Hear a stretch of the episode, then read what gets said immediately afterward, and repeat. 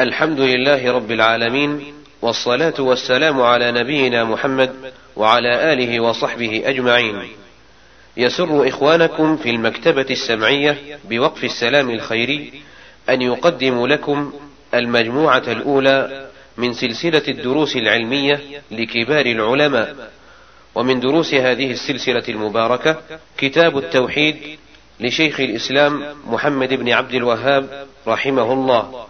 شرح سماحة الشيخ العلامة عبد الله بن حميد رحمه الله. الشريط الخامس. فكذلك هنا قال باب من الشرك لبس الحلقة أو الخيط لرفع البلاء أو دفع يعني أنه يربط على عضده خيطا يقول إنه يمنع من الحماة أو يتخذ على عضده آه، حلقة من حديد أو من صلب بجامه أنها تمنع من الحمى وأن لها خاصية بذلك. كل هذه من الأمور الباطلة وأي خاصية عند هذه الحديدة. لكن هذه من وسائل الشرك وذرائع أما لو اعتقد أنها بذاتها هي التي تدفع البلاء وتجذب النفع هذا كفر. وهذا هو توحيد الربوبية منكرا لتوحيد الربوبية حينئذ حيث اعتقد أن هذه الحق تنفع وتضر. فإذا قال أنا لا أعتقد أنها تنفع وتضر لكن أن فيها خاصية وفيها كذا تمس أو تشحب الروماتيزم أو ما أشبه ذلك نقول هذا من الوسائل. وأي خاصية عند هذا؟ فلو قلت هذا من الأسباب نقول لكن لا ننكر الأسباب لكن الأسباب على حسب ما جاءت بها الشريعة. أما أنك تأتينا بوسائل الشرك تقول أسباب إذا تذهب إلى القبر وتقول هذا من الأسباب. تذهب أيضا إلى المكان الفلاني وتقول إنه ترياق مجرد وتقول من الأسباب.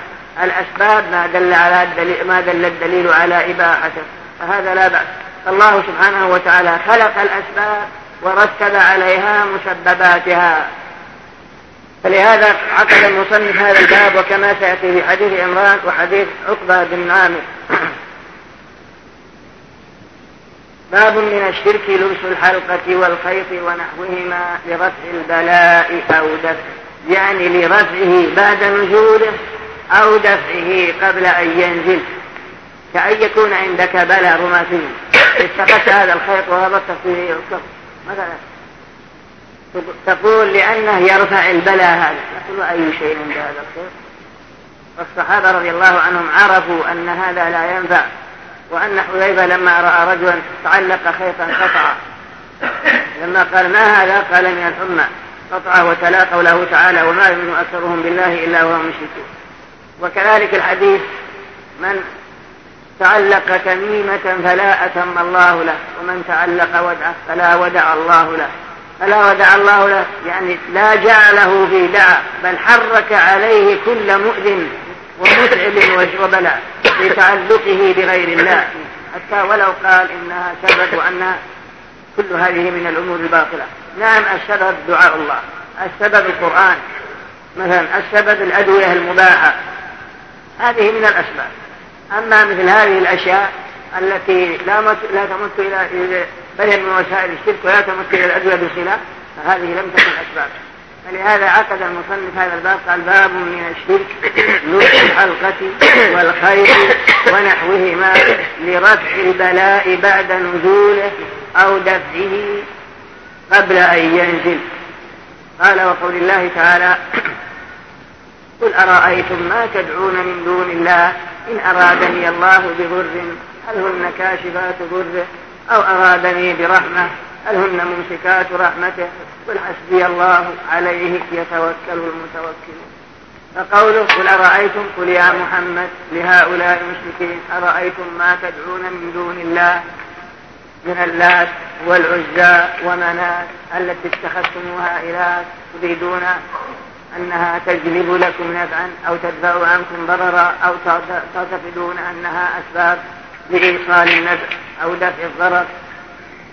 وكما سموها بهذه الأسماء سموها حتى باسم الإناث لما فيها من الليونة والرخوة اللات العزى منات. اللات اشتقوها من الاسم الإله والعزى من العزى ومنات من المنات. مع أن منات سميت منات قالوا لكثرة ما يمنى أن يهراق عندها من الدماء. إلى غير ذلك مما هو معروف قل أرأيتم ما تدعون من دون الله؟ من هذه الأشياء. من من اللات والعزى ومنات أو من هو فوقهم وأفضل منهم كالملائكة أو الأنبياء أو الصالحين. هؤلاء الذين تجعلونهم أسباب ووسائط بينكم وبين الله لإيجاد نفع أو دفع ضر. هل هن إن أرادني الله بضر هل هن كاشفات ضر؟ يعني إذا أراد الله العباد بمرض أراد الله العبد بمرض أو فقر أو بلاء أو جد أو قحط. فهل هي تستطيع أن تدفع هذا الضرر؟ تستطيع أن تأتي لك بالصحة من جنس الحلقة المغناطيسية التي يقال أنها وجدت؟ فهل هي تستطيع؟ أبدا لا تستطيع ولا شيء. شيء قل أرأيتم ما تدعون من دون الله؟ إن أرادني الله بضر بمرض بفقر ببلاء بجد بقحط هل ما تدعون وتلتفتون إليه؟ هل تستطيع دفع ذلك الضرر وجلب الخير والنفع؟ أبدا لا تستطيع. تعرفون هذا. أو أرادني برحمة صحة عافية سعة رزق أمن. هل تستطيع هذه الآلهة إمساك هذه الرحمة وبقاءها على أن لا تزول إذا لما نزلت هذه الآية الرسول وتلاها على المشركين لم يستطيعوا أن يجيبوا ثم قال قل حسبي الله عليه يتوكل المتوكل. معنى حسبي الله أي كافيني الله. فالله هو الذي يكفيك من المرض ومن البلاء ومن الشر وهو الذي يعطيك النفع ويعطيك الصحة والرزق والعافية. فهو القادر على ذلك. ما يفتح الله للناس من رحمة فلا ممسك له وما يمسك فلا مرسل له من بعده وهو العزيز الحكيم. الله إذا أعطانا صحة وعافية لا قدرة لأحد على إزالتها. إلا هو. وما يمسك من ذلك فلا قدرة على أحد فلا قدرة لأحد على إيجادها وإيصالها إلى الناس. فالأمور بيد الله. فكيف مثل هذه بدعة وتسأل ويقال إنها من الأسباب الجالبة للنفع أو من الأسباب الدافعة للضرر. بل ذلك كله لله وحده. قل حسبي الله معنى حسبي الله بمعنى كافيني. ولهذا هذه الكلمة هي كلمة النبي صلى الله عليه وسلم وكلمة إبراهيم الخليل عند الشدائد. فإن إبراهيم لما ألقي في النار لم يزد على قوله حسبنا الله ونعم الوكيل. والرسول صلى الله عليه وسلم لما قيل له يوم أحد إن الناس قد جمعوا لكم فاخشوهم فزادهم إيمانا وقالوا حسبنا الله ونعم الوكيل. يعني كافينا الله ونعم الموكول إليه أمور عباده وهو الذي يدبرها وهو المفوض إليه جميع كل شيء. لا إلى ملك مقرب ولا إلى نبي وقد ألف بعض العلماء رسالة على هذه الكلمة. حسبنا الله ونعم الوكيل. سماها السر الجليل في خواص حسبنا الله ونعم الوكيل. وذكر ما فيها من المزايا والفضائل وما فيها من الاعتماد والتوكل على الله سبحانه وتعالى وأن هذا هو قول الأنبياء كما قال هود عليه السلام لما لما دعا قومه إلى عبادة الله وحده لا شريك له قابلوه بهذه المقابلة السيئة قالوا له إن نقول إلا اعتراك بعض آلهتنا بسوء يعني يقولون إن نقول إلا اعتراك بعض معبوداتنا بجنون؟ فأنت مجنون لأن الذين بزعمهم أن ما يعبدونه بعث الجن أو الجنون أو سلب هود عقله. هذا بزعمهم إن نقول إلا اعتراك يعني أصابك بعض آلهتنا بسوء أي بجنون قال إني أشهد الله واشهدوا أني بريء مما تشركون من دونه فكيدوني جميعا ثم لا تنظرون. إني توكلت على الله ربي وربكم. ما من دابة إلا هو آخذ بناصيتها. إن ربي على صراط مستقيم.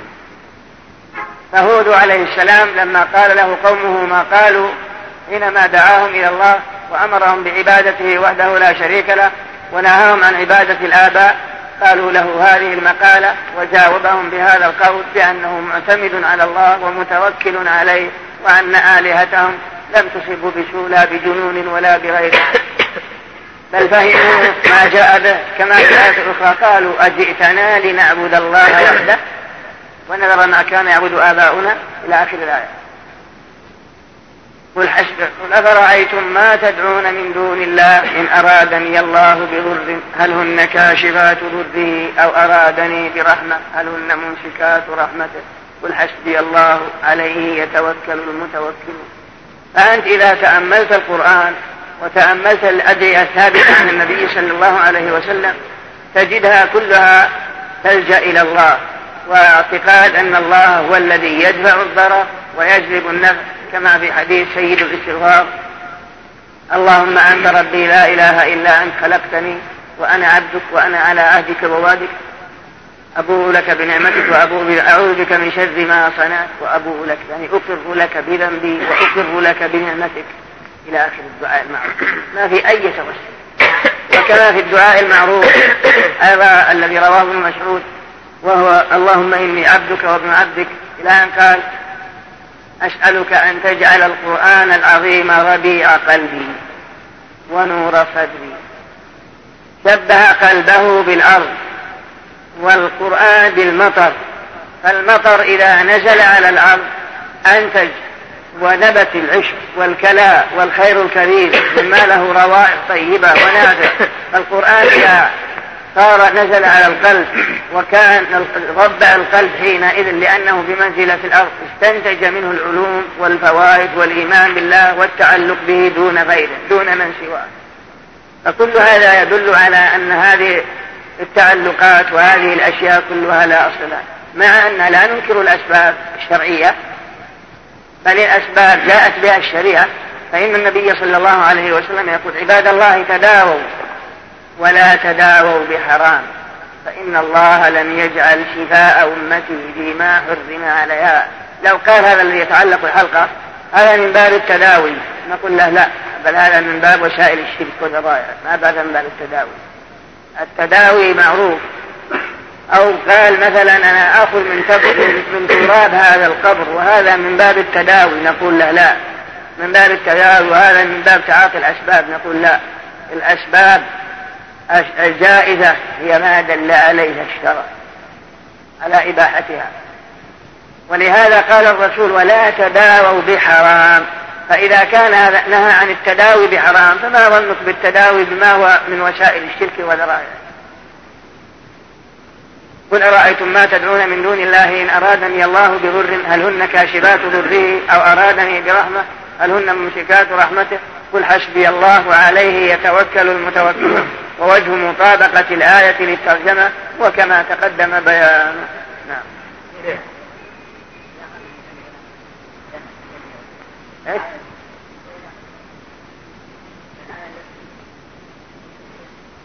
إذا خرج دم يد الإنسان إيش؟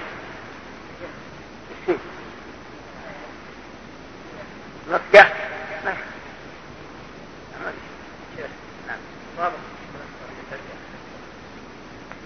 تقدم بيان رب الشرك الأصغر. ما ورد في النصوص تسميته شرك ولم يصل إلى حد الشرك الأكبر. لكن هذا لا ينبني على معرفة حد الشرك الأكبر. حد الشرك الأكبر تسوية غير الله بالله فيما هو من خصائص الله. هذا تسوية هذا إضافة الشرك الأكبر. تسوية غير الله بالله فيما هو من خصائص الله كالدعاء والعبادة والذبح والنذر والاستغاثة وطلب المدد والسؤال وما فيما لا يقدر عليه إلا الله وما أشبه ذلك. فالنصوص الأصغر ما ورد في النصوص تسميته شرك ولكن لم يصل إلى تسوية غير الله بالله فيما هو من خصائص الله. مثل ما شاء الله وشئت أنت لك مشيئة ومثل يسير الرياء ومثل لولا الله وفلان وما أشبه ذلك. نعم. بسم الله الرحمن الرحيم.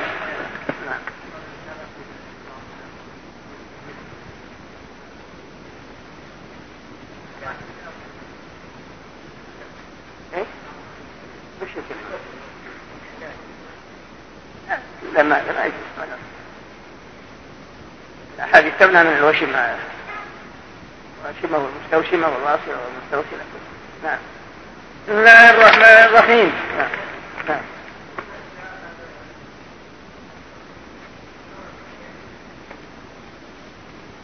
بعد الخطبة. ما في مانع.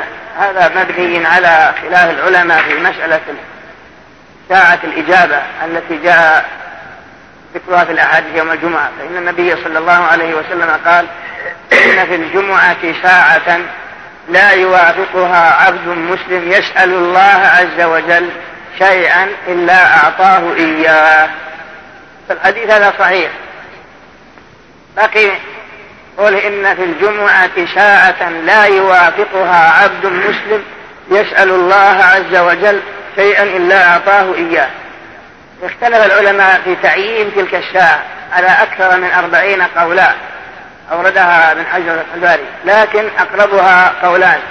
أحدهما إذا صعد الإمام الخطبة وهذا ذهب إليه النووي والجماعة فإنه إذا ذا حري أن تجاب دعوته لأنها هي الساعة التي تجاب فيها الدعوة وقيل إنها بعد صلاة العصر إلى غروب الشمس. وهذا هو الذي رجحه ابن القيم.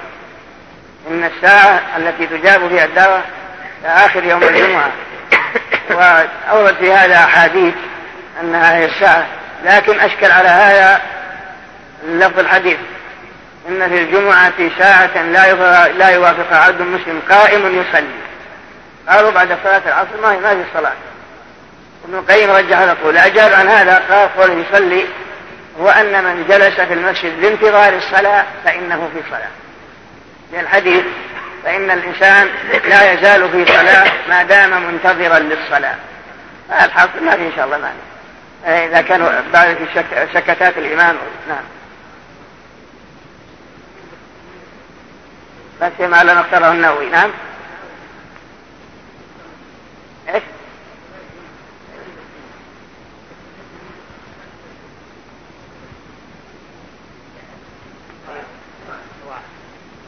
هذا جاء جاء جاء في أحاديث الترمذي. جاء في أحاديث الرسول دعا بعدما ذكر الناس وارام انها دعا. جاء في جامع الترمذي وفي أبي داود. لكن كونه يتخذ بصورة مستمرة لا. في بعض الأحيان. لأن الرسول لم ينقل أنه يفعل دائما أما الآن فنترككم مع مجلس آخر من هذا الشرح. وعن عمران بن حسين رضي الله عنه أن النبي صلى الله عليه وسلم رأى رجلا في يده حلقة من صفر فقال ما هذه؟ قال من الواهنة. فقال انزعها فإنها لا تزيدك إلا وهنا فإنك لو مت وهي عليك ما أفلحت أبدا. رواه أحمد بسند لا بأس به. قال من الواهنة قال انزعها فإنها لا تزيدك إلا وهنا. وفي رواية انبذها فإنها لا تزيدك إلا وهنا. رواه أحمد بسند لا بأس به.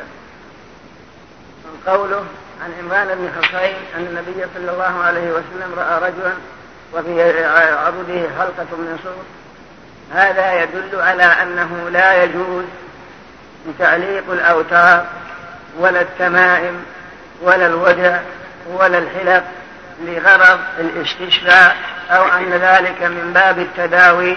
كل هذا لا يجوز. فإن النبي صلى الله عليه وسلم أنكر عليه. وفي الرواية الأخرى أن ذلك هو عمران بن حسين نفسه هو الذي دخل على النبي ورأى في عرضه تلك الحلقة فأنكر عليه إنكارا شديدا. ودل على أنها لا تغني ولا تنفع. ثم أيضا ثانيا أخبر بأنها لا تزيده إلا وهنا. فالإنسان متى اتخذ شيئا لا يجوز فإنه يزيده مرضا على مرض عقوبة له ونقيضا لقصده وإن كانت تلك الحلقة لا ضرر ولا نفع بل وجودها كعدمها. ولكن الرسول صلى الله عليه وسلم لما أن الرجل اتخذها من أجل الواهنة أخبر بأنها لا تزيد إلا وهنا عقوبة له ونقيضا لقصده. والذي يوجد الوهن هو الله سبحانه وتعالى بسبب تعلقه لتلك الحلقة. ثالثا الوهن هو عرق يأخذ بالمنكب منكب اليد. فيحصل عنده شيء من الألم أو من الفتور. ورابعا فيه دليل على أن الإنسان ينكر متى رأى هذا المنكر ويكون الإنكار على حسب المنكر الذي فعله. فإن النبي صلى الله عليه وسلم يقول من رأى منكم منكرا فليغيره بيده فإن لم يستطع فبلسانه. الرسول صلى الله عليه وسلم يستطيع بيده ولكن علم أن إنكاره بلسانه أنه يمتثل. فإذا كان يمتثل باللسان فلا داعي إلى اليد. فلهذا قال إن جاءها فإنها لا تزيدك إلا وهنا. ثم قول إن جاءها فيه دليل على شدة النزع بقوة مثل ما في الروايات الأخرى انبذها أي أبعدها مما يدل على الابتعاد عن التعلق بغير الله. ولا يلتفت إلى من قال إن هذا من باب تعاطي الأسباب كما في هذا الحديث. وخامسا فيه من الفوائد أن الإنسان لا يعذر بالجهل لا سيما في الشرك ووسائله. فهذا عمران ما اتخذها إلا لغرض أنها من الواهنة أي تنفعه مما به من تلك الواهنة. ومع هذا قال له الرسول لو مت وهي عليك ما أفلح وإلا معلوم أنه لا يمكن أن يخالف النبي صلى الله عليه وسلم. ففيه دليل على أن الإنسان لا يعذر بالجهل بل عليه أن يسأل. ويتعلم فلا يقع في الشرك من غير ما يشعر. بل لا بد أن يبحث ويسأل أهل العلم وينظر هل هذا من الأمور الجائزة أو من غير الجائزة. فيدل على أن أن الشرك ووسائل الشرك لا يعذر أحد بالجهل بها إذ عليه أن يسأل ويقف. لأن المسلمين متفقون على أنها لا تجوز وأن القرآن والسنة دل على المنع من ذلك. وليس هذا من باب الفروع الذي يختلف فيه العلماء ويكون المجتهد فيه إما مصيب فله أجران وإما مخطئ فله أجر واحد. أما هنا لا. هذه عقيدة لا يعذر أحد بتركها لأنه يتعلق بغير الله سبحانه وتعالى ويظن أن هذا جائز. حتى ولو قال إني أعتقد أن النافع الضار هو الله ما دام إنها أنه اتخذ ما هو من وسائل الشرك وذرائعه فهو لا يعذر وإن زعم أن النافع الضار هو الله. لهذا قال النبي صلى الله عليه وسلم أنبذها بشدة وعنف سادسا من قوله لو مت وهي عليك ما أفلح الفلاح هو الفوز والظفر والسعادة. فإذا مات وهو على تلك الحالة انتفى عنه الفلاح الذي هو الفوز والظفر والسعادة فصار بنقيض ذلك. وفيه أيضا أن أن أن مراتب أن أن المنكر له مراتب إما باليد وإما باللسان وإما بالقلب كما دل عليه الأحاديث الأخرى. والقلب الإنكار بالقلب هو أضعف الإيمان. حتى قال شيخ الإسلام ابن تيمية معناه حتى قال ما معناه أن الإنسان إذا لم يغير المنكر بقلبه إذا كان ما يبغض المنكر بقلبه فهو يكون مبتدئ. وهذه بلوى. ليس المسألة ببسيط بل ليس المسألة بسيط ليست بسيطة. يعني بحيث ترى المنكر نقول غيره بيدك لا تستطيع. بلسانك لا تستطيع بقلبك. فإذا كان تحس من قلبك أن فعل هذا المنكر أو لا يفعل وجوده كعدمه وأن الفاعل هذا لم لم تحس من قلبك البغض والنفرة من هذا فهذا يقول نقل عن ابن مسعود وأقره أنه مبتدئ لأجل ما في الحديث وليس وراء ذلك حبة خردل من إيمان. انتفى عنه الإيمان. مما يدل على عظم الأمر. فإنك لو مت وهي عليك ما أفلحت. فكل ما يتعلق به الإنسان من غير الله أو من الأسباب التي لم يجيزها الشارع مثل تعليق الوتر على الدواء أو تعليق التمائم أو تعليق الودع أو تعليق الحلق أو تعليق الخيوط.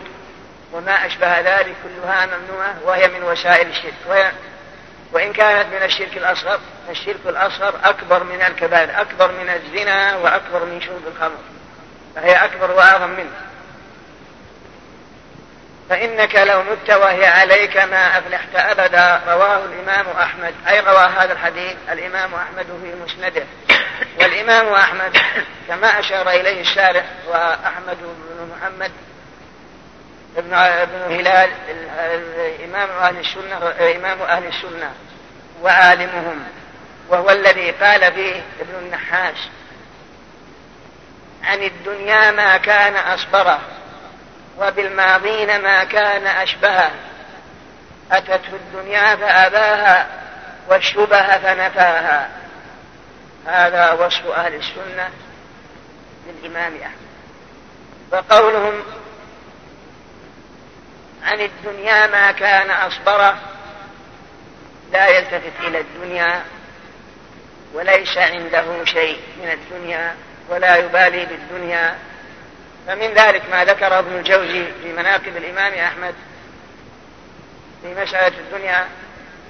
ذكر ابن الجوزي ما معناه أن سفينة كانت في البحر غرقت فبقي منها لوح وعليه رجل تقلبه الأمواج. قال فجاءني رجلان. فقال إن شئت نجيناك من هذا البحر بشرط أن تبلغ سلامنا أحمد بن حنبل. فقلت لهم نعم أبلغه. أنا لا أعرف أحمد. فقال أحدهما أنا الملك الموكل بالبحار والآخر قال أنا الملك الموكل بالجبال فأنقذا حتى ألقاه على الشاعر. قال فجئت لأبحث عن أحمد فأخبرت أنه في بغداد. قال فذهبت إلى بغداد فطرقت عليه الباب.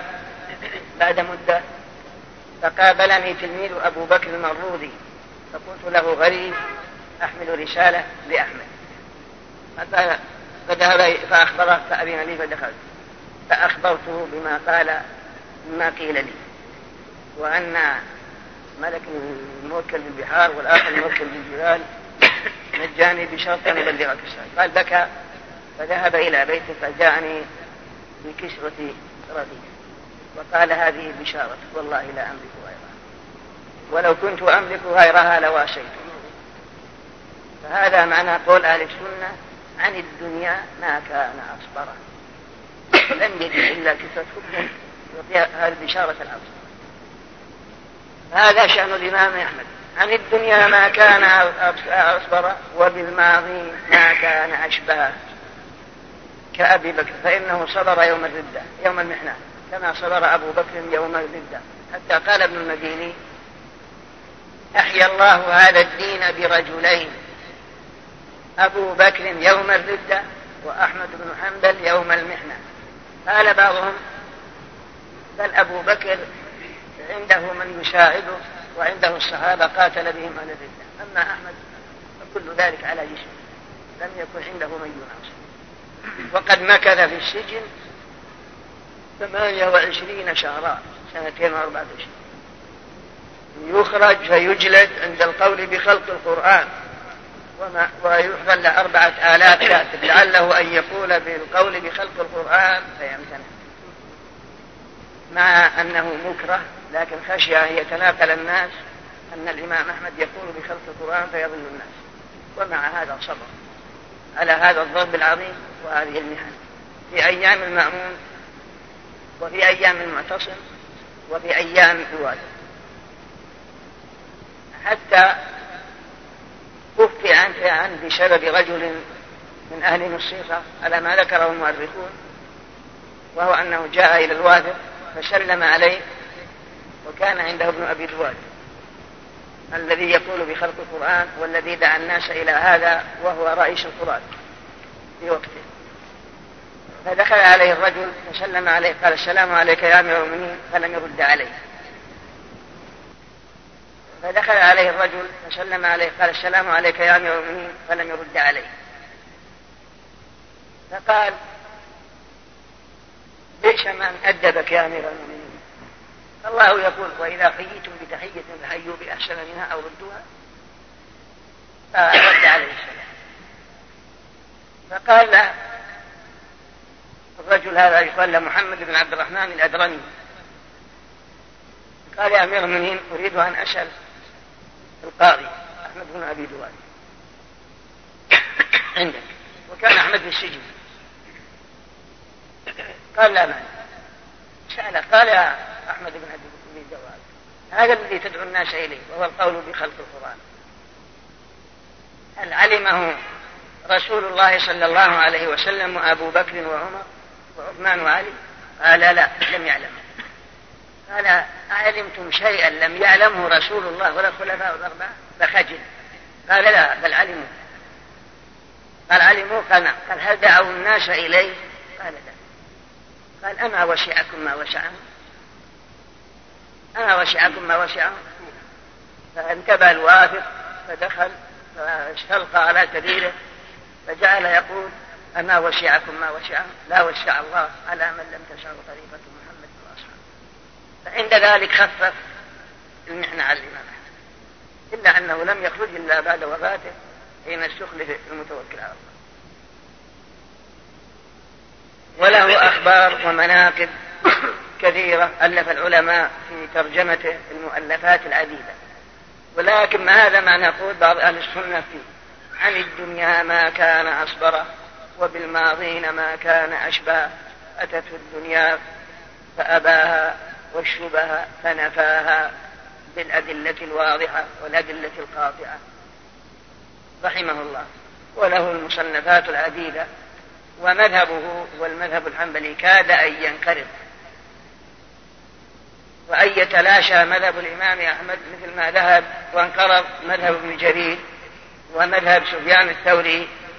لكن الذي قام بنصرته والأدلة له ونشره وجمع الروايات عنه هو القاضي أبو يعلى.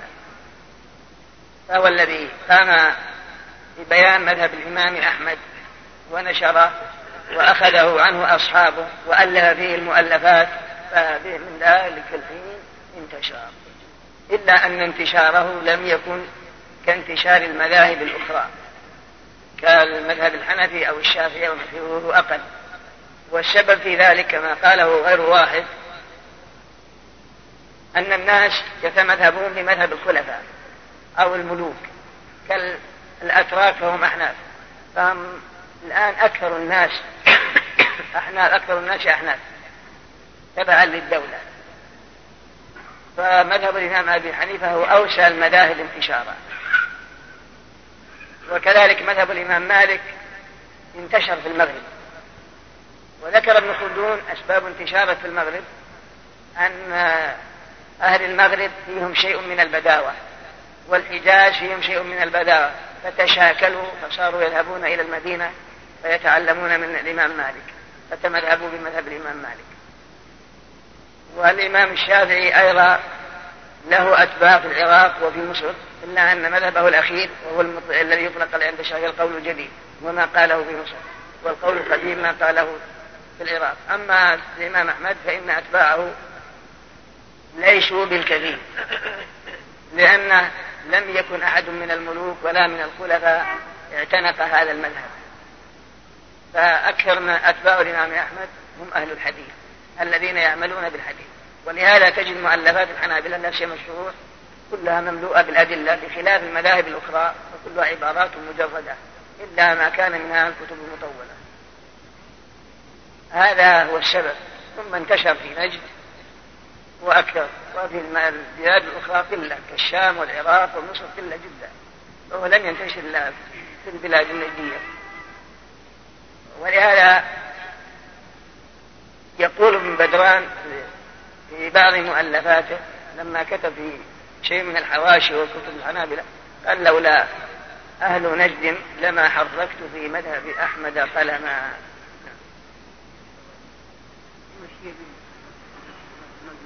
لا لا.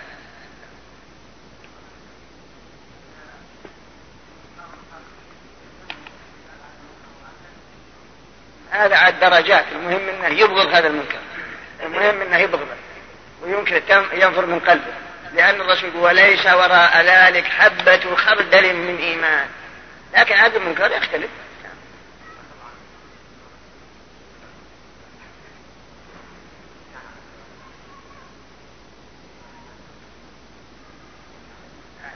عدنان عدنان مضر.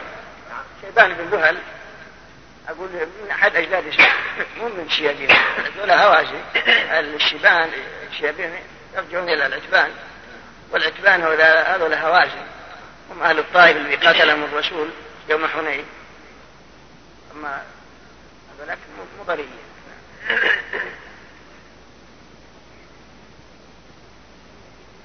ها؟ غيره بيدك. إذا لم يترتب مفسدة أكبر منها. لأن الآمر بالمعروف يأمر لكن إن خشي أن يقع مفسدة أكبر من من الشيء الذي ينهى عنه أو ينكره يترك. فمثلا تريد أن تنكر على هذا الشخص. ارتكب معصية لكن إذا أنكرت عليه يجر إلى ما هو أكبر من تلك المعصية. يعني معصية أكبر منها. فهذا لا. لا. نعم. أو تخشى على نفسك. نعم. أما الآن فنترككم مع مجلس آخر من هذا الشرح. وله عن عقبة بن عامر مرفوعا من تعلق تميمة فلا أتم الله له ومن تعلق ودعة فلا ودع الله له. وفي رواية من تعلق تميمة فقد أشرك.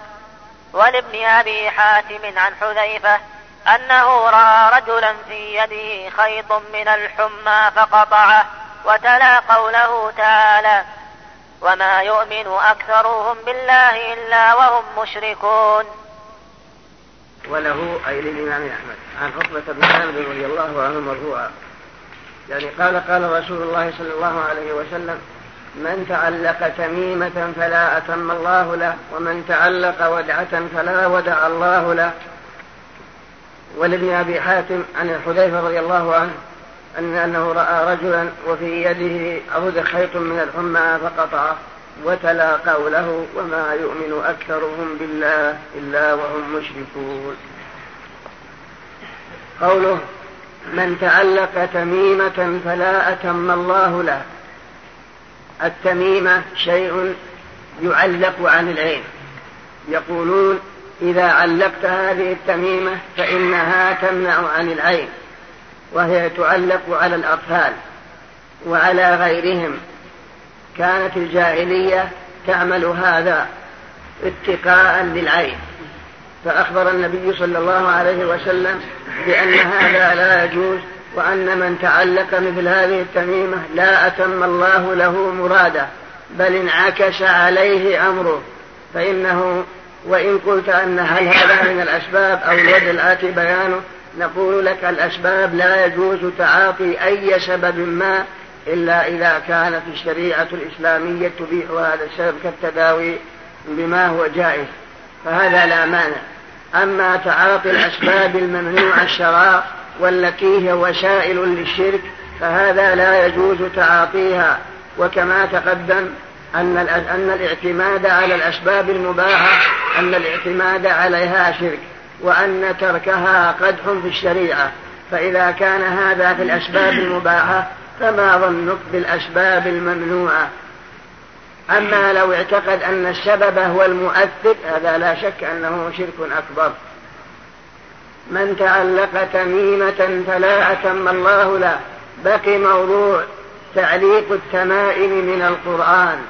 كما لو كتب آيات قرآنية وأدعية نبوية وخرجها في جلد كما يفعله بعض الناس ويعلقها على طفله وهي خالية من الطلاسم وخالية من الحروف المقطعة وخالية من الأسماء المجهولة بل كلها آيات قرآنية كآية الكرسي والفاتحة وما أشبه ذلك.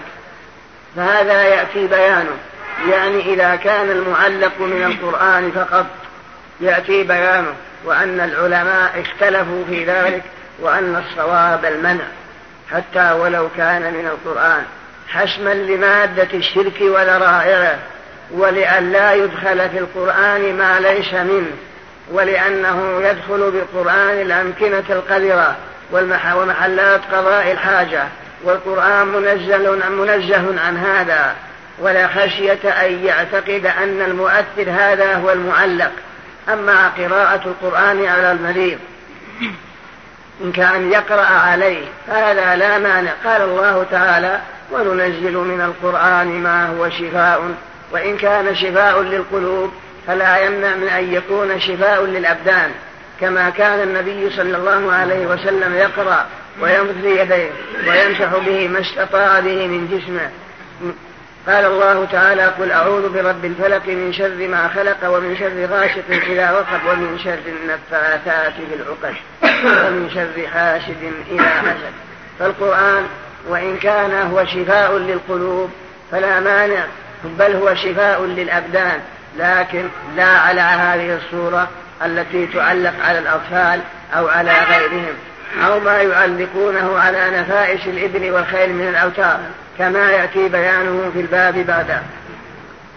من تعلق تميمة فلا أتم الله له ومن تعلق ودعة فلا ودع الله له. الودعة هي شيء شبه الصدف يخرج من البحر. يعلقونه يرون أن هذه فيها خاصية تدفع العين. وهذا أيضا لا يجوز بل قال الرسول صلى الله عليه وسلم ومن تعلق ودعه فلا ودع الله له. وش معنى فلا ودع الله له؟ يعني حرك عليه كل مؤذن وجعل ولا جعله في دعة ولا هدو بل حرك عليه كل مؤذن ومؤلم لأنه طلب الشفاء من غير الله وتعلق بغير الله. فلا يجوز مثل هذه الأشياء. ومثل ذلك الحلقة النحاسية التي يعلقونها الآن ويقولون إنها تمنع من الروماتيزم وهي موجودة وأن فيها خاصية كل هذا لا أصل له. بل أحيلت تلك الحلقة إلى المختبرات وهل فيها شيء؟ وحتى الآن لم يصل شيء والظاهر أنه ليس فيها شيء بالكلية. وإنما تعلق بغير الله. من تعلق ودعة فلا ودع الله له بل حرك عليه كل مؤذن وكل مؤذن ومتعب ولا جعله في دعة ولا سكون ولا هدوء لتعلقه بغير الله. فهذا كله يدل على أنه لا يجوز أن يتعلق تميمة ولا خيط ولا ودعة ولا شيء. إنما عليه أن يدعو بالأدعية النبوية. كقوله صلى الله عليه وسلم لما الذي أفاد به زينب امرأة ابن مسعود لما كانت تشتكي عيناها قال قولي أذهب الباس رب الناس وأشفي أنت الشافي شفاء لا يغادر سقماها فهذا هو الدعاء المعروف. ومثل قوله من نزل منزلا فقال أعوذ بكلمات الله التامة من شر كل ما خلق لم يضره شيء حتى يرحل من منزله ذلك. فالتعلق بغير فالتعلق بالله واللجوء إلى الله والالتجاء إلى الله سبحانه وتعالى هذا هو الذي ينفع وهو الذي يكفي العبد. يكفي العبد شر كل ما يتوقع أما تعلقه بالخيوط وتعلقه بالودع وبالتمائم وبالحروف المقطعة وبالطلسمات كل هذه لا أصل لها. ولم تكن في شيء. وهنا أشياء أخرى بالنسبة إلى الحروف يستخرجون بها المغيبات ويقولون إذا كان قابل هذا زوج أو هذا فرد أو هذا وتر أو هذا كذا أنه يحدث عليك كذا ويقع عليك كذا. فمثلا يقولون آه، تحسب اسمك واسم أمك بالجمل بحروف الجمل آه، ثم تنزل منه بعدما يجتمع عددا معينا آه، فإذا بقي البقية بقي البقية عرف. مثلا في أي برج أنت ولدت هل ولدت في برج الحوت أو ولدت في برج الحمل أو في برج الثور أو في الدلو أو غيرها؟ ثم يقولون أنك إذا كنت ولدت في هذا البرج يكون عمرك ستين سنة أو سبعين سنة ويكون لك من الأولاد كذا ويجري عليك كذا ويكون بيت مالك كذا ويجري عليك من المصائب كذا. كل هذه من الأمور الباطلة لتعلقهم بغير الله. قال الله تعالى قل لا يعلم من في السماوات والأرض الغيب إلا الله وما يشعرون أيان يبعثون. فقول قل لا يعلم من في السماوات والأرض الغيب إلا الله يبطل كل ما زعموا من تنجيم أو حروف مقطعة أو حساب أو ما أشبه ذلك. فقد ألفوا في هذا مؤلفات عديدة كشمس المعارف الكبرى وأبي معشر الفلكي وما أشبه ذلك. كلها لا أصل لها. هي منوطة بمثل هذه التعلقات لأنهم تعلقوا بغير الله. إلا أنهم يختلفون في كيفية استخراجهم المغيبات وكما قال الشاعر لعمرك ما تدري الطوارق بالحصى. لعمرك ما تدري الطوارق بالحصى. ولا زاجرات الطير ما الله صانع. والآخر يقول بالنسبة إلى الذين يريدون استخراج المغيبات بما يفعلونه من تنجيم أو حساب أو غير ذلك. يقول أطلاب النجوم أحلتمونا على علم أرق من الهباء. كنوز الأرض لم تصلوا إليها فكيف وصلتم علم السماء؟ فمثل هذا التعلق سواء بسواء. وأي شيء عند هذا الخير؟ وأي مصلحة في هذا الخير؟ وهل عنده من القدرة أن يدفع عنك عين أو هذه الودعة التي يعلقها الإنسان أو هذه التميمة والحروف المقطعة والطلسمات أي خير فيها وأي مصلحة فيها وأي نفع لديها وأي ضرر عندها. كلها ليست بشيء إنما هي خرافات وترهات ولهذا أخبر دعا النبي صلى الله عليه وسلم على من تعلقها بأن الله لا يتم له مرادا وأن يعكس عليه أمرا وأن من تعلق الودع أن الله يحرك عليه كل مؤذن وأن لا يجعله في دعة وسكون وهدوء. لتعلقه بغير الله. فالقلب المؤمن الممتلئ من الإيمان يعلق قلبه بالله ويعتمد على الله في جميع أموره كلها وهذا لا ينافي تعاطي الأسباب المباحة من التداوي واتقاء الشر وما أشبه ذلك. كل هذا لا مانع منه. بل جاءت به الشريعة. أما مثل هذه الترهات والخرافات وهذه الأشياء واستخراج العلوم المغيبات كلها لا أصل ويكون مؤرخون عن الواثق المعتصم المعتصم مرض ودعا المنجمين من أنحاء مملكته وقال انظروا في اسمي وفي طالعي كم بقي من أجلي. وفرقهم وانهم نحو خمسين منجم. وفرقهم كل واحد وحده. لا يطلع على ما يكتبه الآخر ولا يعلم بما يكتبه الآخر. فجعلوا يحدثون ويكتبون ويحسبون فكلهم أجمعوا من غير أن يعلم أحد بأحد على أنه بقي من عمر أمير المؤمنين خمسين سنة. ففرح بساط ولم يمكث إلا عشرة أيام. أمور بيد الله. فهذا شأن التعلق بغير الله. من تعلق تميمة فلا أتم الله له ومن تعلق ودعة فلا ودع الله له. ولابن أبي حاتم عن حذيفة أنه رأى رجلا وفي يده خيط من الحمى يعني يريد أن يدفع الحمى بذلك الخيط الذي علقه في عضده. قال ما هذا؟ قال انه مثل ما تقدم. فلا فقطعه قيل إن الذي قطعه هو حذيفة وقيل هو الرجل نفسه حين أخبره حذيفة. وتلا قوله وما يؤمن أكثرهم بالله إلا وهم مشركون. فالآية نزلت في الشرك الأكبر لكن استدل بها على الشرك الأكبر لأن الرجل لا يعتقد أن الخيط هو المؤثر. يعتقد أن الخير أن الخير سبب ومن باب الأدوية المباحة. وأن الله هو المؤثر. لكن استدل عليه حذيفة بهذه الآية. قالوا هذا يدل على جواز الاستدلال بالآيات النازلة في الشرك الأكبر على الأصغر. والحاصل من الآية وما يؤمن أكثرهم بالله. يعني يؤمنون بوجود الله ويؤمنون بأن الله يخلق ويرزق ويعطي ويمنع لكنهم يشركون في عبادته. فهم يؤمنون بتوحيد الربوبية ويشركون في توحيد الألوهية. وتوحيد الربوبية سبق أن قلنا معنى توحيد الربوبية أن نوحده بأفعاله. هذا توحيد الربوبية. أن نوحده بأفعاله. وتوحيد الألوهية أن نوحده بأفعالنا. فهؤلاء قد وحدوه في أفعاله إلا أنهم لم يوحدوا بأفعالهم حيث جعلوا لله شريكا وجعلوا لله وسائط بينهم وبين الله ففي أفعالهم أشركوا. أما في أفعال الله فهم موحدون في ذلك.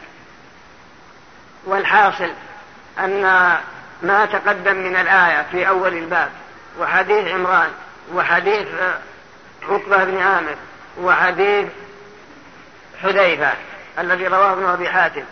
كلها تدل على أنه لا يجوز لأحد أن يتعلق بغير الله ولا أنه يعتمد على خير أو حلقة أو وجه أو تميمة أو تلسمات أو تنجيم أو حروف مقطعة أو كتب من كتب الضلال ككتاب أبي معشر أو ما أشبه ذلك.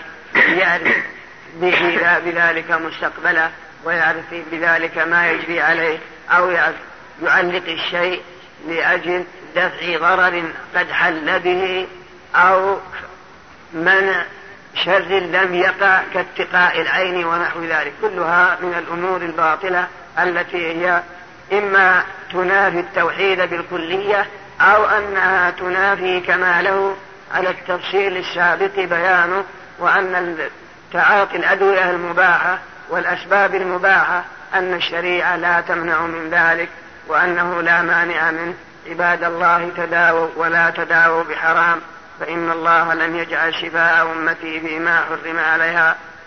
فما أحسن ما جاءت به الشريعة الإسلامية وما أحسنها وأنفعها للمتمسك بها دون هذه الخرافات وهذه العقود وهذه الخيوط التي يستعملها الكثيرون من الناس أو الكتب التي تبحث في هذه المواضيع وتكتب عن هذه الأشياء. وفي كتاب حياة الحيوان الدميري أيضا أشياء من هذا من ذكر الخواص وكلها لا أو معظمها لا أصل لا نعم. الله إليك الله إليك نعم. كلمة لعمرك. هل هي لتأكيد الكلام أو للقسم؟ وإذا قلنا بالثاني هل يكون ذلك من الشرك الأصغر أم لا؟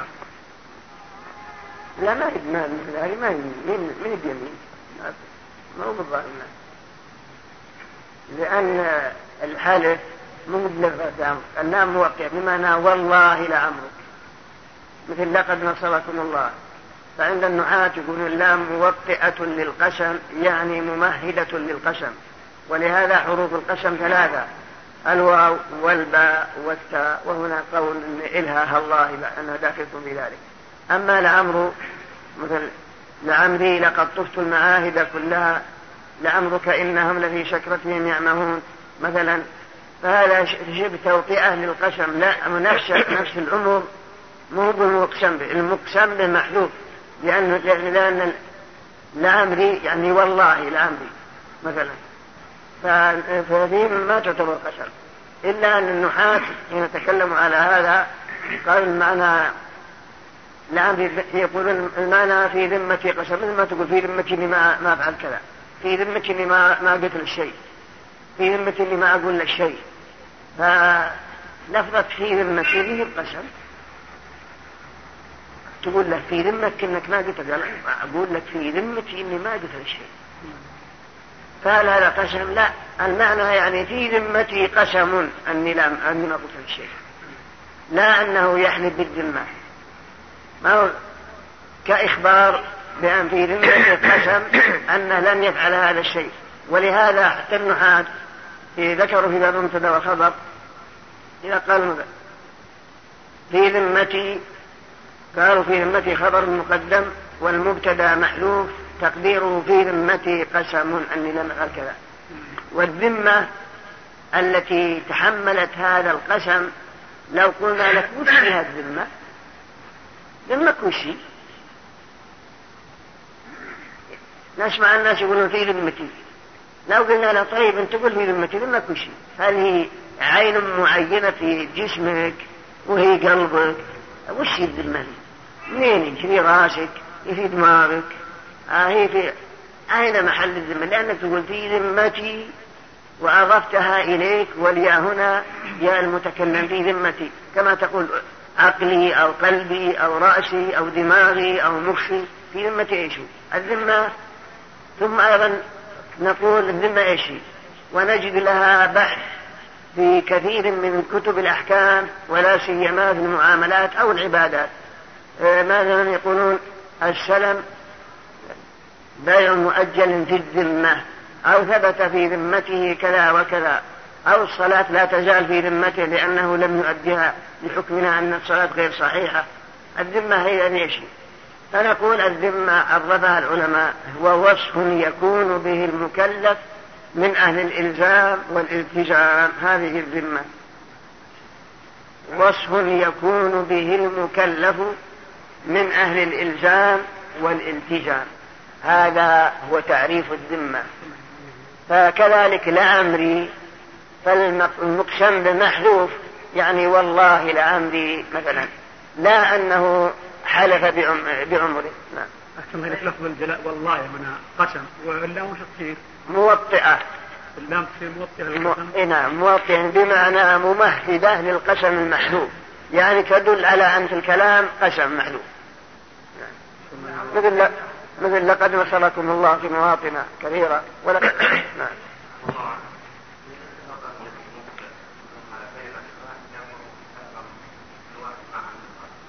إيش؟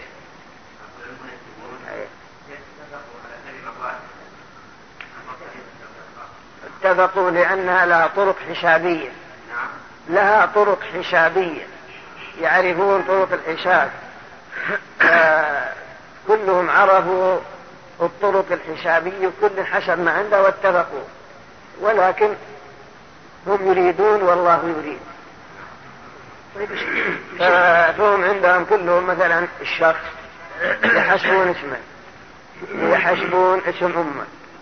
فإذا بلغ المجموع مثلا آه، مئتين وسبعين نزلوا 12 12 12 12 12 لين يفنى فإذا بقي عدد دون الاثنى عشر يعني 11 فأقل حسبوا بها البرود فإذا حسبوا بها الورود فقالوا ولد في البرج الحادي عشر.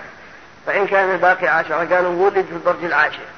فإن كان الباقي بعد تنزيل 12 12 آه الثامن قالوا في البرج الثامن السابع. ثم قالوا خلاص في البرج قالوا يطول عمرك كذا وتموت كذا يجي عليك كذا. أما فهمت؟ أزيمة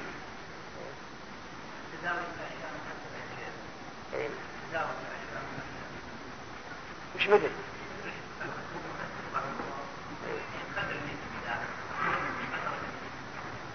مثل ذلك إذا كان فيها مصلحة وفيها نفع ولا ولا هي مركبة من أشياء محرمة يعني مفرداتها ما هي مركبة من أشياء محرمة في مانع شيخ حكم هذا يجيز بعض العلماء مثل عبد القادر الجيلاني ومثله يجيزونه. نعم. بسم الله الرحمن الرحيم. يقول الشيخ الذي يقتضيه الدليل هل العديم تجوز أم لا؟ نعم. الذي يقتضيه الدليل هل العديم تجوز أم لا؟ هذا جاز بعض الحنابلة كما يكتب يشرب مثلا أو يشرب. أما تكون إنه فعل أحد من الصحابة وما ما اذكره ما اذكر شيء نعم. أما الآن فنترككم مع مجلس آخر من هذا الشرح. باب ما جاء في الرقى والتمائم في الصحيح عن أبي بشير الأنصاري رضي الله عنه أنه كان مع رسول الله صلى الله عليه وسلم في بعض أسفاره فأرسل رسولا ألا يبقين في رقبة بعير قلادة من وتر أو قلادة إلا قطعت. وعن ابن مسعود رضي الله عنه قال سمعت رسول الله صلى الله عليه وسلم يقول إن الرقى والتمائم والتولة شرك رواه أحمد وأبو داود. باب ما جاء في الرقى والتمائم. الرقى جمع رقية. والرقية هي العزائم التي يرقاها الإنسان على الملدوغ أو المصاب بالعين أو ما أشبه ذلك. والرقى مقتضى ما جاءت به الشريعة ثلاثة أقسام. اسم محرم لا يجوز بل ربما صار شركا وقسم جائز مما لا خلاف فيه الجواز وقسم فيه الخلاف بين أهل العلم والصواب المنع أيضا كما يأتي. أما الرقى الممنوعة هي التي منع منها النبي صلى الله عليه وسلم كما جاء في هذا الحديث. في الصحيح عن أبي بشير الأنصاري رضي الله عنه أنه كان مع النبي صلى الله عليه وسلم في بعض اسفاره فأرسل رسولا ألا يبقين في رقبة بعير قلاده من وتر أو قلاده إلا قطعت. قوله أنه كان مع النبي في بعض أسفاره فأرسل رسولا هو زيد بن حارثة ألا يبقين في رقبة بعير قلادة من وتر الوتر بفتحتين والمراد به هو وتر القوس الذي يرمون به والقوس وهذا الوتر يكون من المصارين والكرش. يدبغونها ويجعلونها للقوس ويرمون بها الصيد وبها يقتتلون قبل وجود الأسلحة الحديثة. وهي تقتل. فإذا اخلولق الوتر عندهم وارتخى وأبدلوه بجديد علقوا هذا الوتر على رقبة الخيل أو الإبل يعني نفائس الخيل ونفائس الإبل ظنا منهم أنها تمنع من العين وتقيها العين. فهذا إذا اخلولق الوتر الذي كانوا يرمون به ووتر القوس علقوه على نفائش الخيل ونفائش الإبل من أجل أنها تقي العين. وأن ذلك الوتر يمنع من العين فتكون الإبل سليمة والخيل سليمة. عند ذلك منع النبي صلى الله عليه وسلم من ذلك حتى لا يتعلقوا بشيء غير الله سبحانه وتعالى. فقال أن لا يبقين في رقبة بعيد من وتر إلا قطعت. لا بد من إزالتها كل ذلك حسما لمادة الشرك وذرائعه فربما اعتقدوا أن الدافع للعين والجالب للسلامة هو ذلك الوتر المعلق فإذا اعتقدوا هذا هذا شرك أكبر لا يجوز. وإن اعتقدوا أن الله هو المؤثر وأنه هو الذي يجلب النفع ويدفع الضرر ولكن بسببها هذا محرم ولا يجوز لأن الأسباب وإن كانت جائزة شرعا لكن لا يجوز منها إلا ما أباحه الله ورسوله.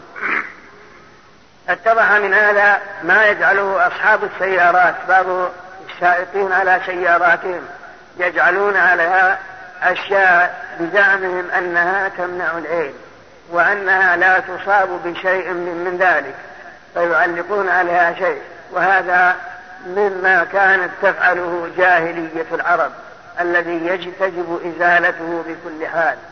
وأي نفع عند هذا وأي شيء عند هذا بل الأمور بيد الله سبحانه وتعالى. فإن الشيطان يتدرج بهم عندما يعلقون هذه الأشياء إلى أنهم يعتقدون أن المعلق هو المؤثر بنفسه. فالنبي صلى الله عليه وسلم حسم مادة الشرك وحسم ذرائعه بل ومنع من وسائله. مراعاة للغاية. وعن ابن مسعود رضي الله عنه قال سمعت رسول الله صلى الله عليه وسلم يقول إن الرقى والتمائم والتولة شرك. إيش؟ نعم. الرقى الممنوعة هو ما يعلقه على من أوتار من الأوتار أو الخيوط أو ما أشبه ذلك. رجع ما رجعنا منهم أنها تمنع العين أو تجلب النفع والبركة لها. هذا محرم. النوع الثاني الذي هو جائز الرقية بالقرآن وبأسماء الله وصفاته مثل أذهب الباس رب الناس أعوذ بكلمات الله التامات من شر كل ما خلق مثل قراءة الفاتحة كما في حديث أبي سعيد في قصة النفر من الصحابة الذين استضافوا رئيس الحي فلم يغثهم فلدغ.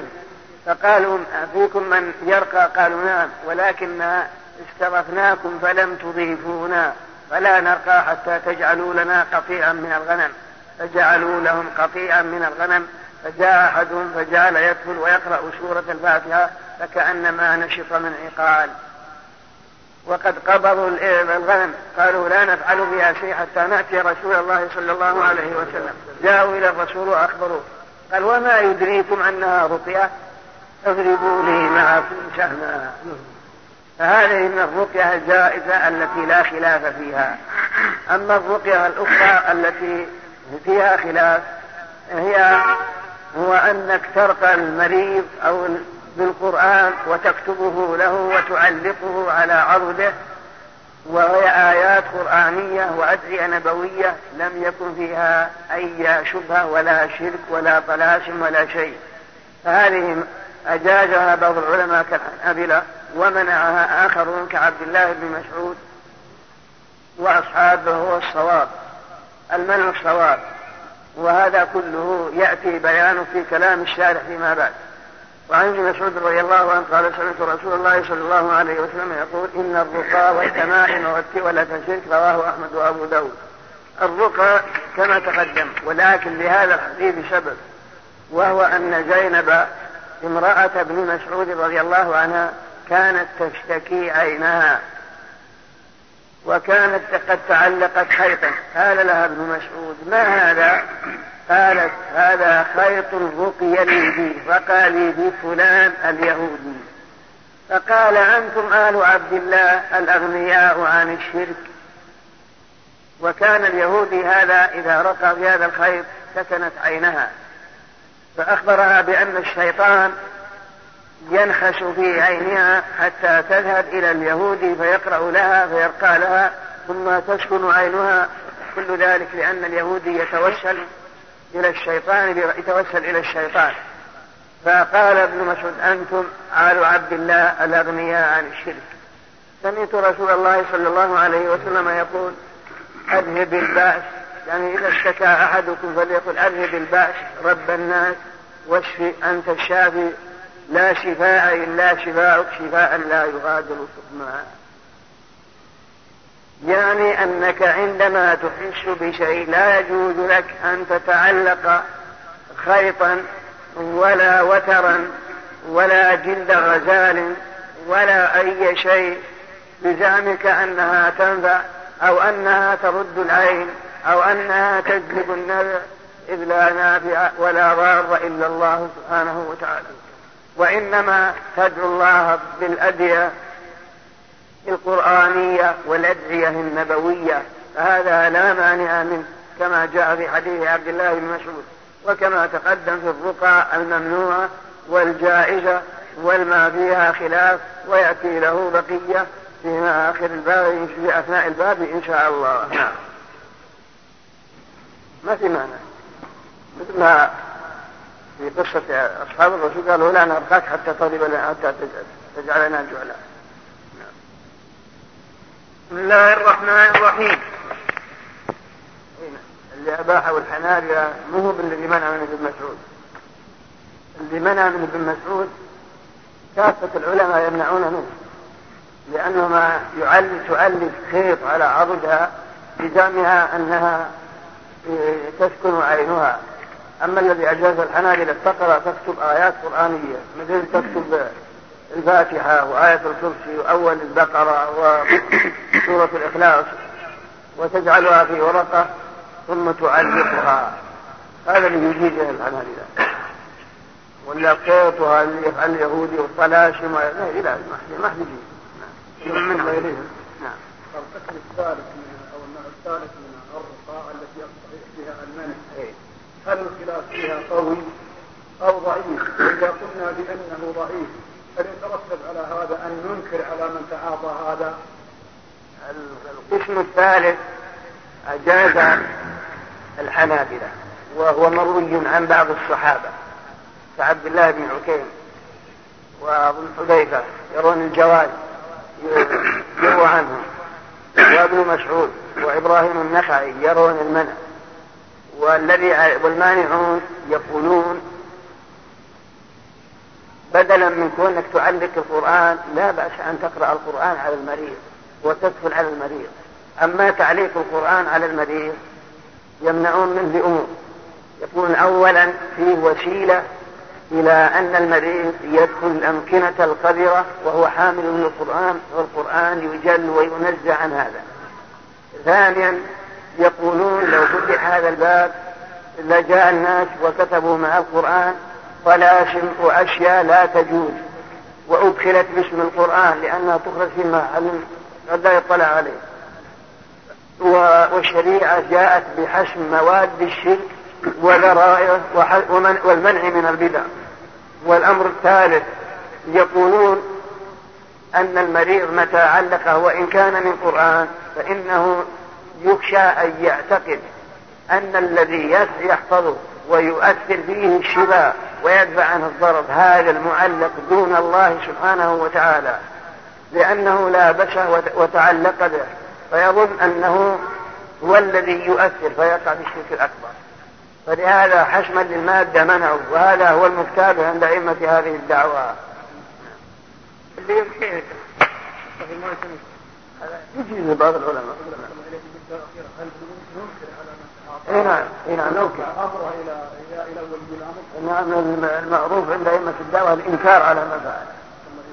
كانوا ينكرون أنا أقول مشايخ ينكرون ويمنعون من هذا من باب كلها ختما لمواد التعلق بغير الله. و... وتعظيما للقرآن من أن يدخل في الأمكنة القذرة وخشية أن يدخل مع القرآن ما ليس منه. وفي إمكانه أن يقرأ على المريض مثل ما قرأ الصحابي على على اللذيذ بدون أن يعلق شيء. وكما قال ابن مسعود لامرأة قوله بسم الله أدب الباس رب الناس.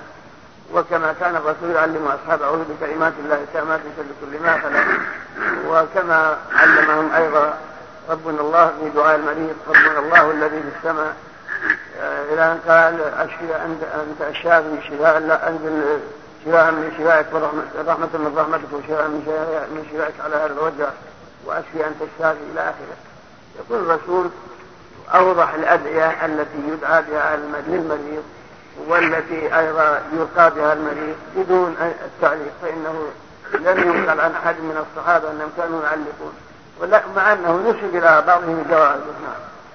يأتي والرسول أوضح الأدعية التي يدعى بها للمريض والتي أيضا يلقى بها المريض بدون التعليق فإنه لم ينقل عن أحد من الصحابة أنهم كانوا يعلقون. مع أنه نسب إلى بعضهم الجواز. نعم يأتي. يسلف وطال عنقه سولة يعني مثل يعني زادة زادة مرأة حولها أكثر المسلمون يعرفون الشيء يعني هذا تعقيد يعني لا ما ينبغي على كل حال. مأمور بمقاطعتهم وعدم مشابهتهم. خالفون بكل كانت العرب جاهليه العرب.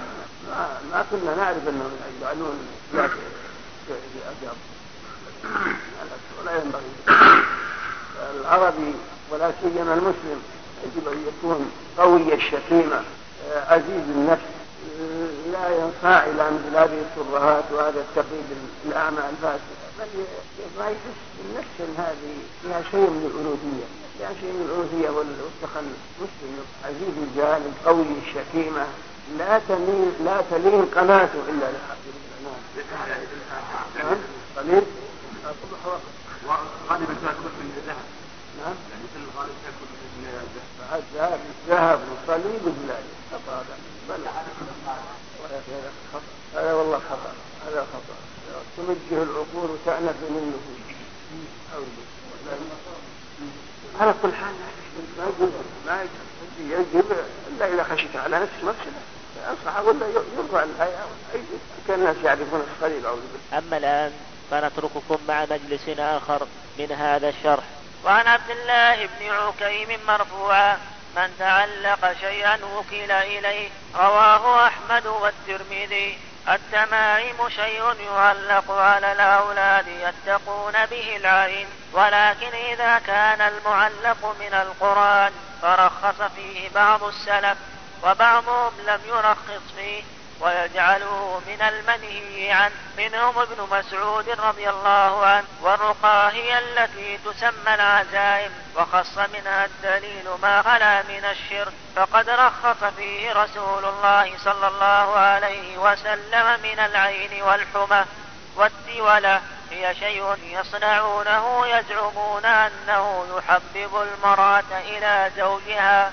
والرجل إلى امرأته وروى أحمد عن رويفع قال قال لي رسول الله صلى الله عليه وسلم يا رويفع لعل الحياة تطول بك فأخبر الناس أن من عقد لحيته أو تقلد وترى أو استنجى برجيع دابة أو عظم فإن محمدا بريء منه. وعن سعيد بن جبير قال من قطع تميمة من إنسان كان كعدل رقبة رواه وكيع. وله عن إبراهيم قال كانوا يكرهون التمائم كلها من القرآن وغير القرآن.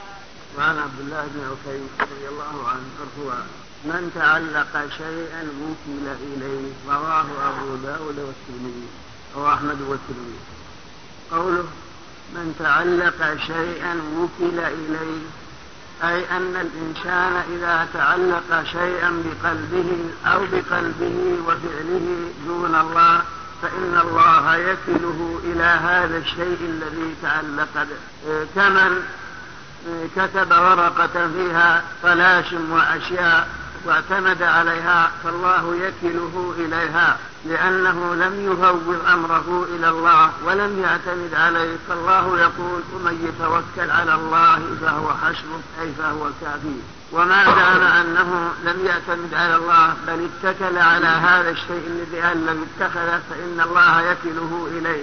وجاء أن عن عطاء قال لقيت وهب بن منبه يطوف بالبيت الحرام فقلت له حدثني. وأوجب بحديث لعل الله ينفعني به.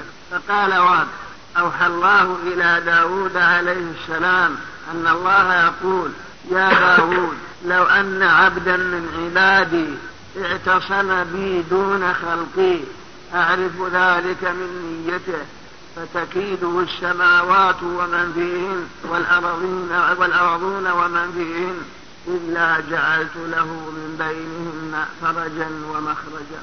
المعنى أن الإنسان إذا اعتمد على الله واتكى عليه, واتكل عليه فتكيده السماوات ومن فيها والأرضون ومن فيها. لا بد أن الله يجعل له فرجا ومخرجا ينجيه من هذه الخليقة جميعا وأنها لا تضره لاعتماده على الله.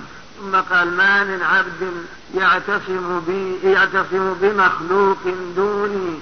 أعرف ذلك من نيته. إلا قطعت الأسباب من بين يديه وأشخت الأرض من تحت قدميه ثم لا أبالي بأي أوديتها. يعني هذا إذا اعتصم بمخلوق دون الله واعتمد على مخلوق دون الله فإنه يضيع. فإنه يضيع. ولا ينفعه ذلك المخلوق مهما عظمت حالته وعظم شأنه. فالاعتماد على الله والتوكل على الله وتفويض الأمور إلى الله إذا كان صدر من قلب حي أبدا لا يضره شيء. فمن يستطيع أن يضره والله قد تكفل بحفظه ووقايته. ومن يتوكل على الله فهو حسبه. ثم قال والتولة شيء أما الرقى والتمائم فقد تقدم بيانها والتولة شيء يصنعونه يزعمون أنه يحبب المرأة إلى زوجها والرجل إلى امرأته وهو ما يسمى الآن بالصرف والعطف. تستعمله عجائز البادية ومن في معناهن تعطي المرأة دواء فتسقيه الزوج. ثم إن الزوج يعطف على المرأة ويحبها حبا شديدا. كل هذا من التولة وهي من الشرك. لا يجوز تعاطي مثل هذا بحيث أن المرأة تعمل عملا مع زوجها من أجل أنه يحبها ويميل إليها. هذا لا يجوز. إن قلوب بني آدم بين صعين من أصابع الرحمن يقلبها. هذا حرام لا يجوز بل ومن وسائل الشرك. لا يجوز. بقي مسألة ما يفعله الناس اليوم أو ما يفعله بعض الناس اليوم وهو أنه إذا سحر جاءوا برصاص وماء وأحموا الرصاص حتى يذوبوه ويصبوه على ماء يجعل على رأسه. يقال إنه يصور من كان سحرا وأن السحر ينفك عنه. هل هذا جائز؟ نقول لك لا ليس هذا بجائز. فكل سبب لم يأذن الله به ولم يدل عليه قرآن ولا سنة فلا يجوز بل هو من تعاطي السحر بكل حال. فأي منفعة عند هذا الرصاص؟ وكيف الرصاص يبين صورة هذا الذي سحر أو ما أشبه ذلك إلا؟ ثم لو صح وبواسطة شياطين فهذا لا يجوز. فقد منع منه كثير من أئمة هذه الدعوة. وإنما إذا ابتلي الإنسان بشيء من هذا عليه أن يتداوى بالآيات القرآنية والأحاديث النبوية والدعاء المعروف وكذلك الأدوية المباحة لا بأس بها. وكما سيأتي من أن من الأدوية المباحة أوراق الشبر السبع الذي نقلت عن وهب بن منبه في تعاطي المشحور وتداوي المشحور بها وهو أنه يأخذ سبع ورقات من شد الخضر فيدكها ويجعلها في ماء ويقرأ على فيها آية السحر التي في سورة يونس وكذلك يقرأ فيها آية الكرسي وآية الإخلاص وآيات من آيات السحر أن في سورة طه وفي غيرها. ثم يشرب منه ويصب على رأسه منه. قالوا إنه يبرأ بإذن الله. وهذا لا بأس به لأن مثل هذا لم يكن فيه تعلق على غير الله. وهذا من باب الأدوية المباحة. وسيشير إلى هذا المعنى آه، الشارح فيما يأتي وكما ذكره العلامة المحقق ابن القيم وغيره. وروى الإمام أحمد عن رويفع بن ثابت الأنصاري أن النبي صلى الله عليه وسلم قال له يا رويفع لعل الحياة تطول بك فأخبر الناس أن من عقد لحيته أو تقلد وترا هذا هو الشاهد من الحديث للترجمة أو تقلد وترا. أو استنجى برجيز أو عظم فإن محمدا بريء منه. قوله يا رويفع لعل الحياة تطول بك هذا علم من أعلام النبوة صلى الله عليه وسلم. حيث أخبر بالشيء قبل وقوعه فقد طال طالت حياة رويفع وتولى الإمرة في بعض الأراضي المصرية فإنه توفي في برقة أميرا عليها. توفي في خلافة معاوية سنة ست وخمسين من الهجرة وقيل غير ذلك وهو أيضا مسلم قبل مجيء النبي صلى الله عليه وسلم. إلى المدينة. فقال أخبر الناس أن من عقد لحيته. هذا يدل على أن من كان عنده علم لا بد أن ينشره وأن يبينه للناس ويحرم عليه كتمانه. ولم يكن هذا خاص برويفع بل وعام. قال الله تعالى إن الذين يكتمون ما أنزلنا من البينات والهدى بعد ما بيناه للناس في الكتاب. أولئك يلعنهم الله ويلعنهم اللاعنون لا بد أن يبين ما عنده وأن يخبر الناس بما عنده. واستدل أيضا بهذه الآية على قبول خبر الآحاد وهي مسألة أصولية معروف حكمها في محلها. يا رويفع لعل الحياة تطول بك فأخبر الناس أن من عقد لحيته أو تقلد وتر هو أنه يعقد لحيته وكذلك شوالفه تعاظما وتكبرا فهذا لا يجوز.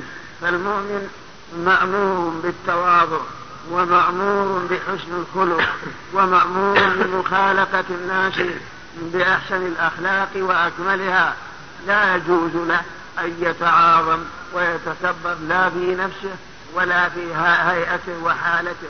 في فتل شواربه مثلا وعقد لحيته آه، أو تعاظما في قلبه يرى الناس كلهم دونه بل هو واحد منهم.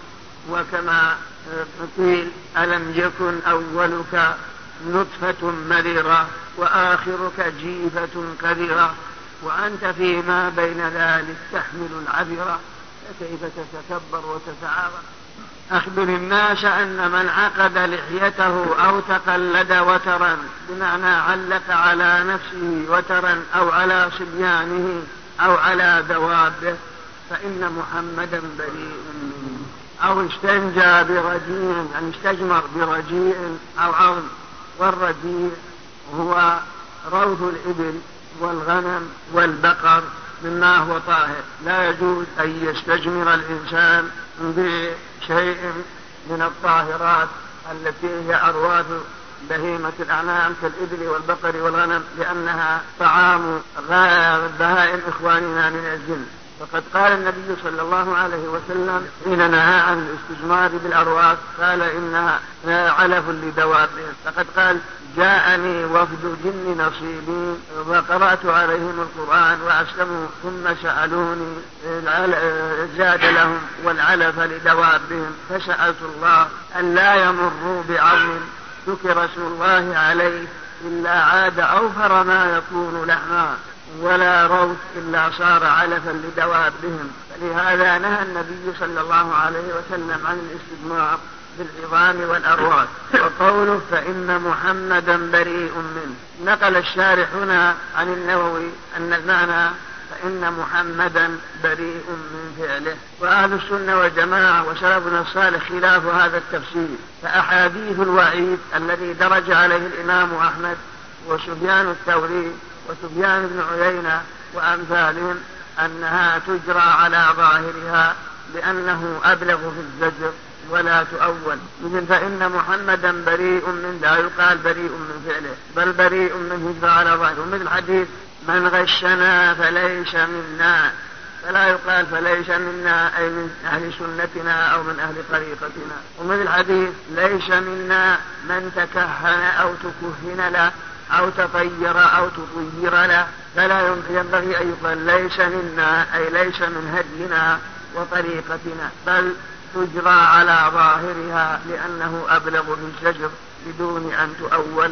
هذا هو رأي الإمام أحمد وكثير من سلف هذه الأمة. أي أن أحاديث الوعيد تجرى على ظاهرها لأنه أبلغ في الزجر وقوله وعن سعيد بن جبير قال من قطع تميمة من إنسان كان كعدل رقبة يعني في الفضل. سعيد بن جبير هذا هو أحد الأئمة وأحد أئمة المبشرين روى عن ابن عباس رضي الله عنه وقتله الحجاج ظلما رضي الله عنه. قال من قطع تميمة قالوا هذا له حكم الرفع لأن مثل هذا لا مجال للرأي ولا مسرح للعقول فيه. من قطع تميمة من إنسان كان كعدل رقبة. يعني إذا قطعتها مزيلا لها من ممن تعلقها. فلك من الفضل والأجر كما لو أعتقت عبدا. ومعلوم أن من أعتق عبدا أعتق الله به أعتقه الله به من النار. وفي رواية أعتق الله بكل عضو منه عضوا من النار حتى فرجه بفرجه. فهذا كله يدل على فضيلة والقاطع بهذه التميمة يحصل له من الأجر والثواب مثل من أعتق عبدا. وحرره من الرق رواه وكيع. وكيع هذا هو أبو محمد وكيع بن الجراح وهو شيخ الشافعي وهو الذي يقول الإمام الشافعي شكوت إلى وكيع سوء حفظي فأرشدني إلى ترك المعاصي وقال أعلم بأن العلم نور ونور الله لا يؤتاه عاصي. يعني أن العلم لا يؤتاه العصاة في الغالب ثم لو أتوه لا ينتفعون به لأنه نور وعلم يضيء القلب وينور القلب وهو إيمان من تخالط بشاشته القلوب. فالعلم النافع يؤثر على الإنسان في سلوكه وأخلاقه وعباداته واستقامته. هذا ما أنا شكوت إلى وكيع ووكيع هذا كما قلنا هو وكيع بن الجراح. ترجم له عدد من الأئمة وقد ذكر الحافظ الذهبي أن أن أنه كان كثير اللحم ولكنه ضخم الجثة وكان سمينا كثير اللحم وكثير الشحم في جسمه. فقيل له يا أبا محمد نراك كثير اللحم وضخم الجثة وما كذا أجسام أهل العلم فإن أجسام أهل العلم تكون نحيفة كما هذا؟